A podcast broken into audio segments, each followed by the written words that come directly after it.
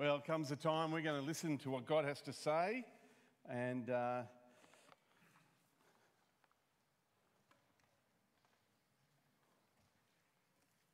thank you, guys.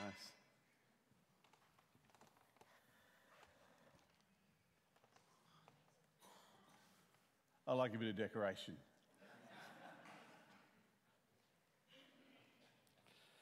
Friends, we're continuing our series, uh, One Last Night. And this is what happened the night before Jesus died.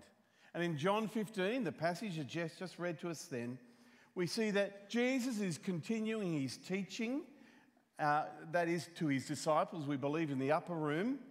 And very shortly, he's going to lead through the dark streets of Jerusalem uh, across the valley of Kidron and into that olive grove.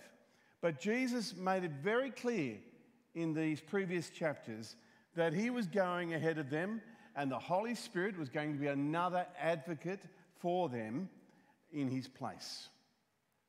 Well, as the hour of Jesus' death approaches, Jesus now addresses his friends and he's urging them to be part of God's vibrant, loving community.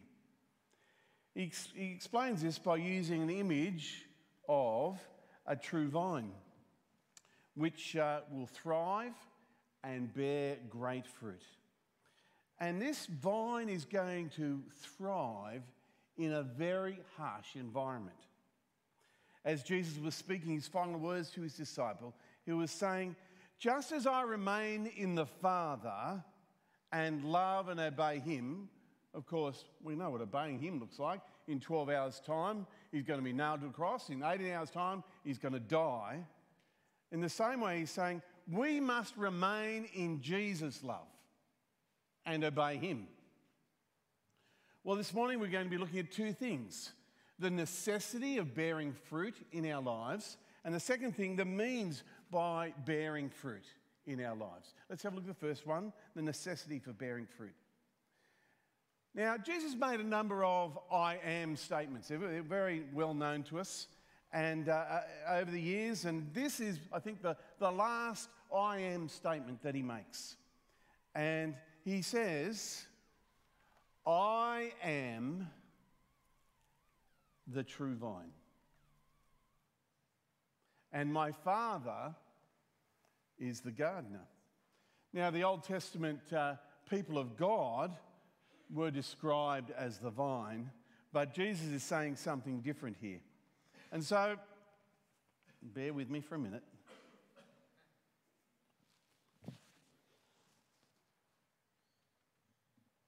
Jesus is saying that he is the true vine.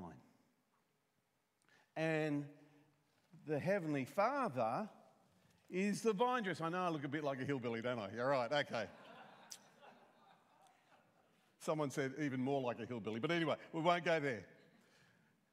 See, our Heavenly Father is the vine dresser, and He prunes and nurtures the vine. And so, instead of the Old Testament view of the vine, we have Jesus as being the vine. And so, Jesus is saying we're so connected to Him, we're in Him. We are His branches. And straight away, when He says this, that, you know, you know, all this, there's an expectation that we're going to bear fruit. And so we read in verse 2 on the screen there He, that is God, cuts off every branch. Now, that is ungodly people in me, Jesus. So, God cuts off every branch in me, Jesus is speaking, that bears no fruit. While every branch, that's us, his people, that does bear fruit, God prunes so that they'll be even more fruitful. Not only is there an expectation that we're going to bear much fruit, there's an expectation that we're going to be pruned.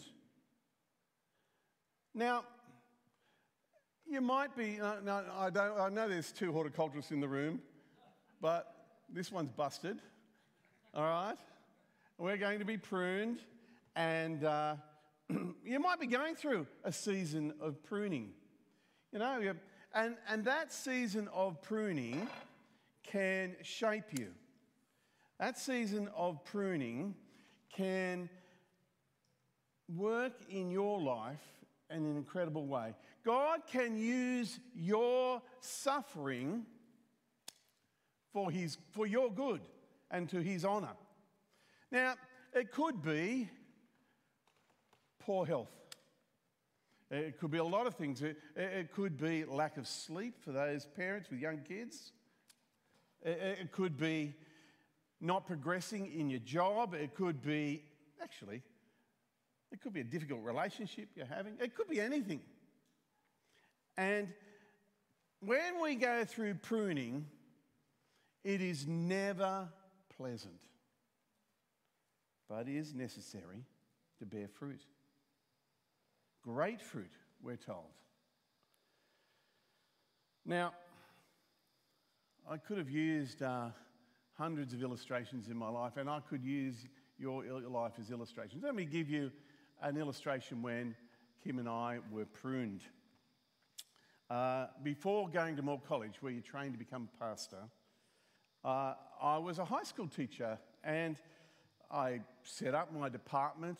I uh, I had new buildings, I made it all happen, and I just loved teaching. And I was good at it. And I would go to school each day with a big smile on my face, and, and I found it very fulfilling. And I did that for five years.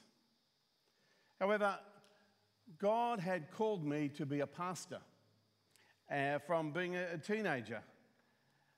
And I had to work in the workforce, so to speak, teach before I went to college because they wanted me to have some world experience.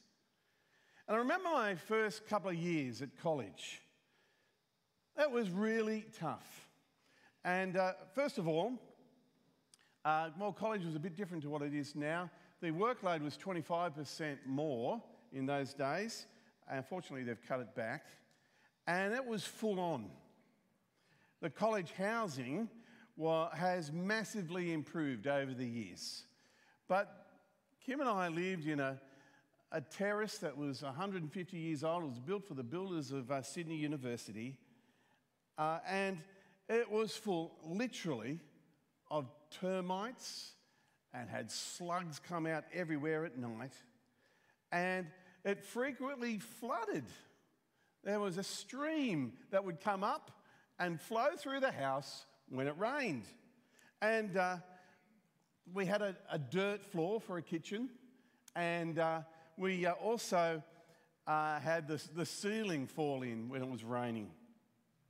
A student colleague of mine uh, who was from Argentina, who we would say, oh, look, that's a, probably a third world country, uh, he said he would never live in a house like that.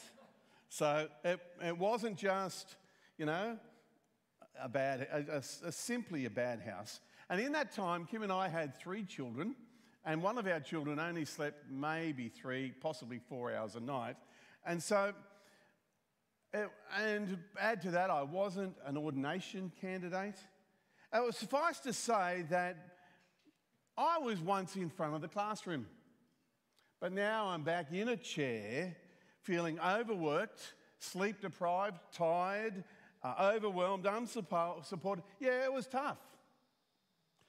But I just want to say, God humbled Kim and I during that period, and it put iron in my blood. And so that experience, although it was very hard and it was a pruning, helped me to persevere in very difficult times. And so that experience has shaped myself ever since. And life and ministry can be difficult from time to time. Some of you, actually all of you, have gone through loss.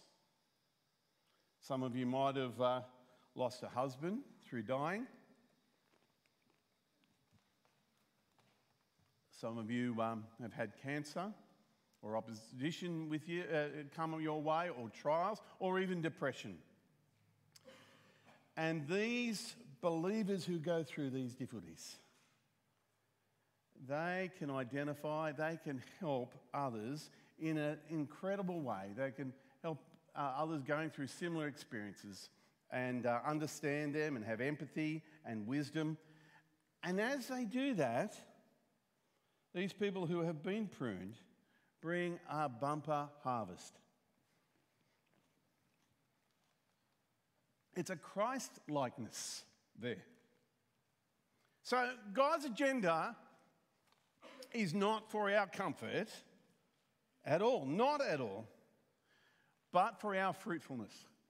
That's His agenda for you and me. If you sense the pruning knife coming your way, accept the vine dresser's knife that you may produce more fruit. Okay, accept it. It comes your way, and we'll all experience it from time to time. Because it will bring fruit in your life. It will make you give God the praise and glory, and which is the, the very purpose of our lives. Now, don't be dismayed, whatever you're going through. Whether it is sleepless nights, or whether it's a hardship, or um, whatever tear that you have shed, or exam that you have failed, or, or disappointment, or pain, or hardship that you have gone through, it was real and it was painful. And I want to say, God never wastes a tear. Never. So then Jesus goes on to explain how we are to be fruitful. And he says in verse 4 there on the screen, Remain in me, as I also remain in you. No branch can bear fruit by itself, it must remain in the vine. Neither can you bear fruit unless you remain in me.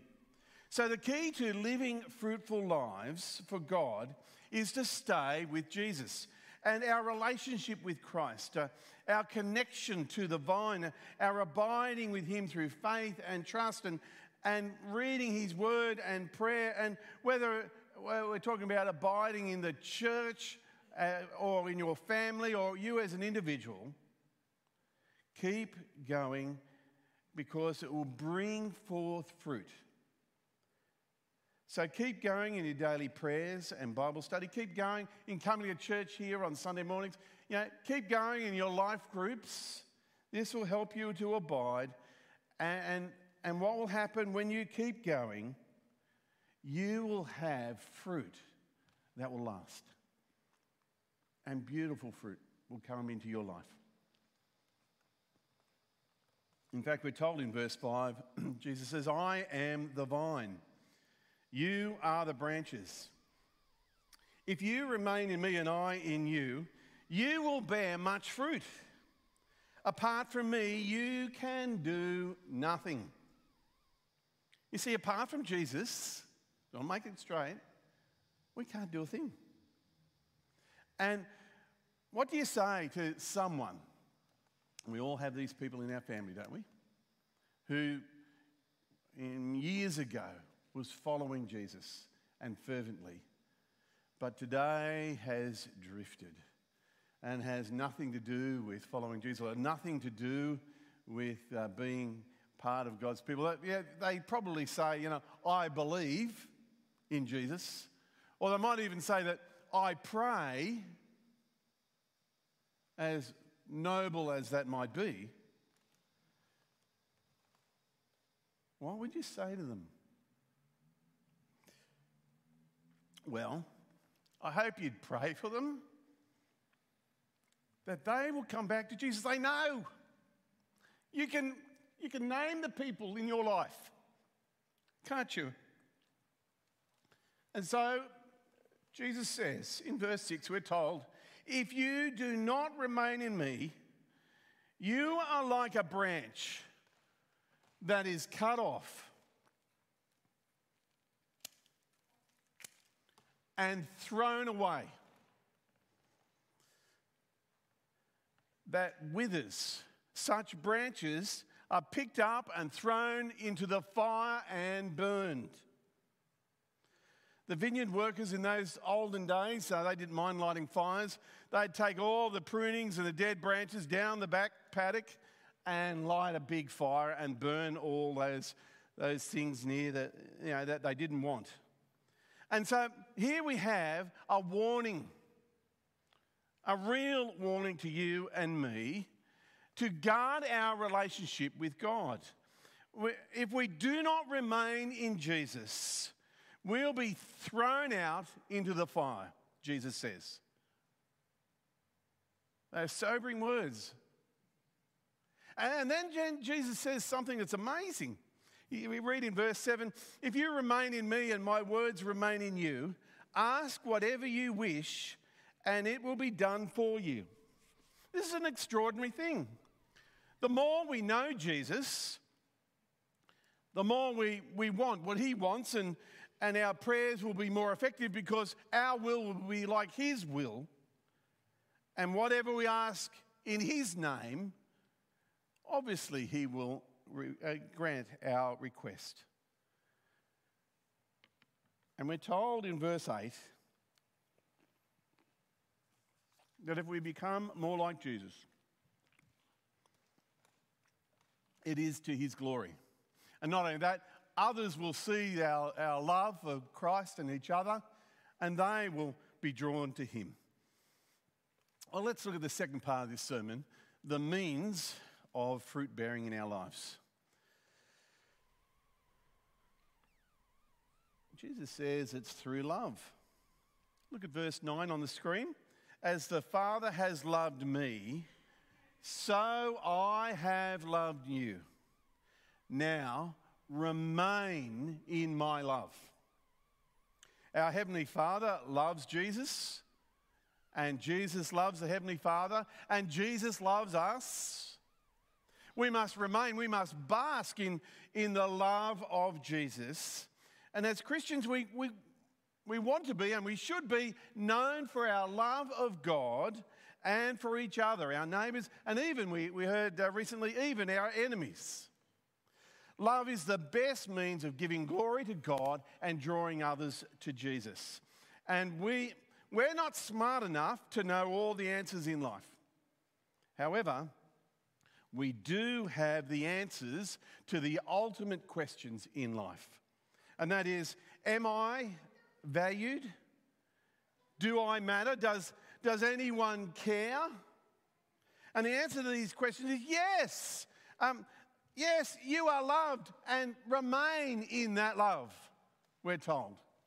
And this is not a, a, a soppy or sentimental love, but we're told here it's expressed in moral obedience. We see there in verse 10, he's, he's trying to describe this love.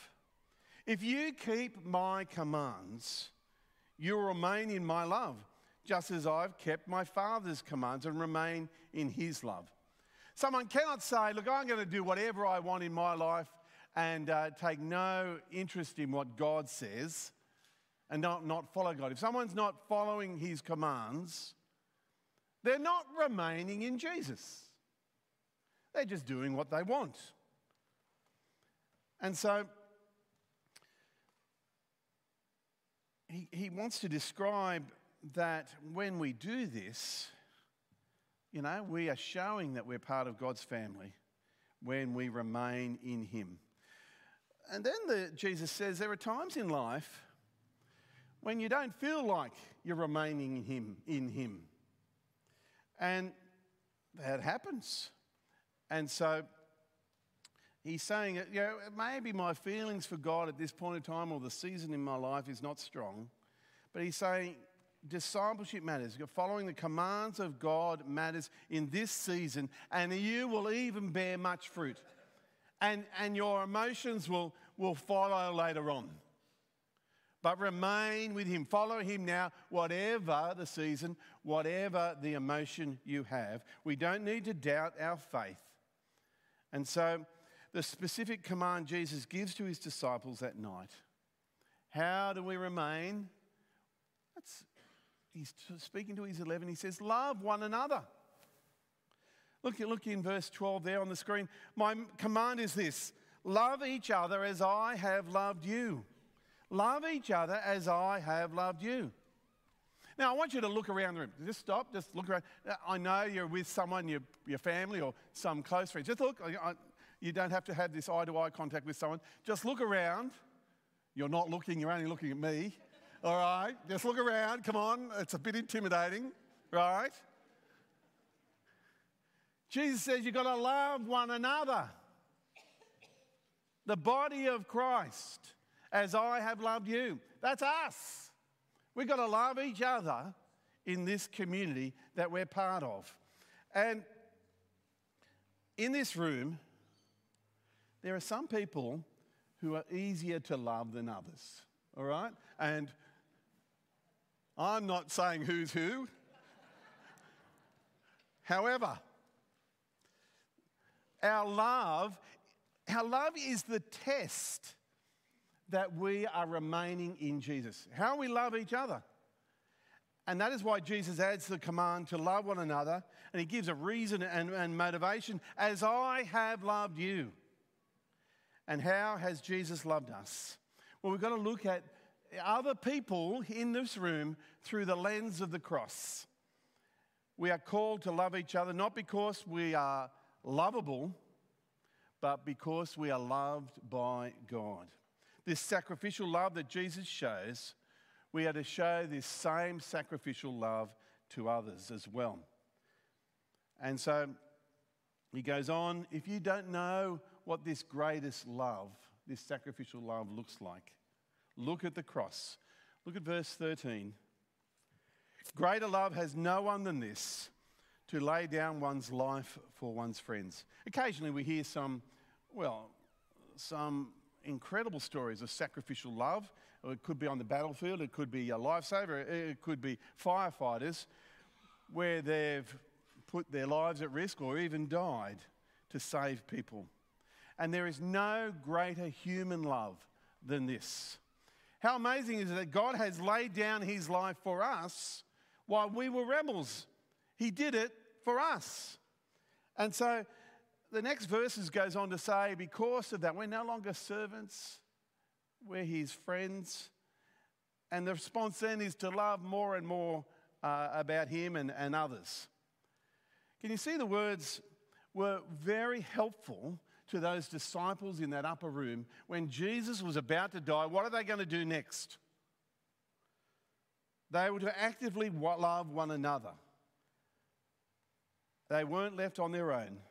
And these words are, are right for us this morning, friends. If we're going through difficulties and hardships, might be like what the disciples went through. But when we gather, when, when we are as a community, we are to love one another here in this church. How are we to love? Well, be regular, be, be involved, be generous, be kind, be prayerful. Uh, put others as a priority and being connected to them. So I want to say when we do that, when we love one another, we see a bumper crop and God is on it. Let's pray. Our God and kind Heavenly Father, we thank you that Jesus remains in you and was obedient to death on the cross for us. We pray right now for as the community of your people here, that we'll continue to grow in love and obedience to you. And Lord, when we experience your pruning in our lives, we know that you never waste a tear and it'll be used uh, for, to bring forth greater fruit. So, Lord, would you please help us this week that we'll live in love and obedience to you? And we pray this in the name of Jesus, who is the true vine. Amen.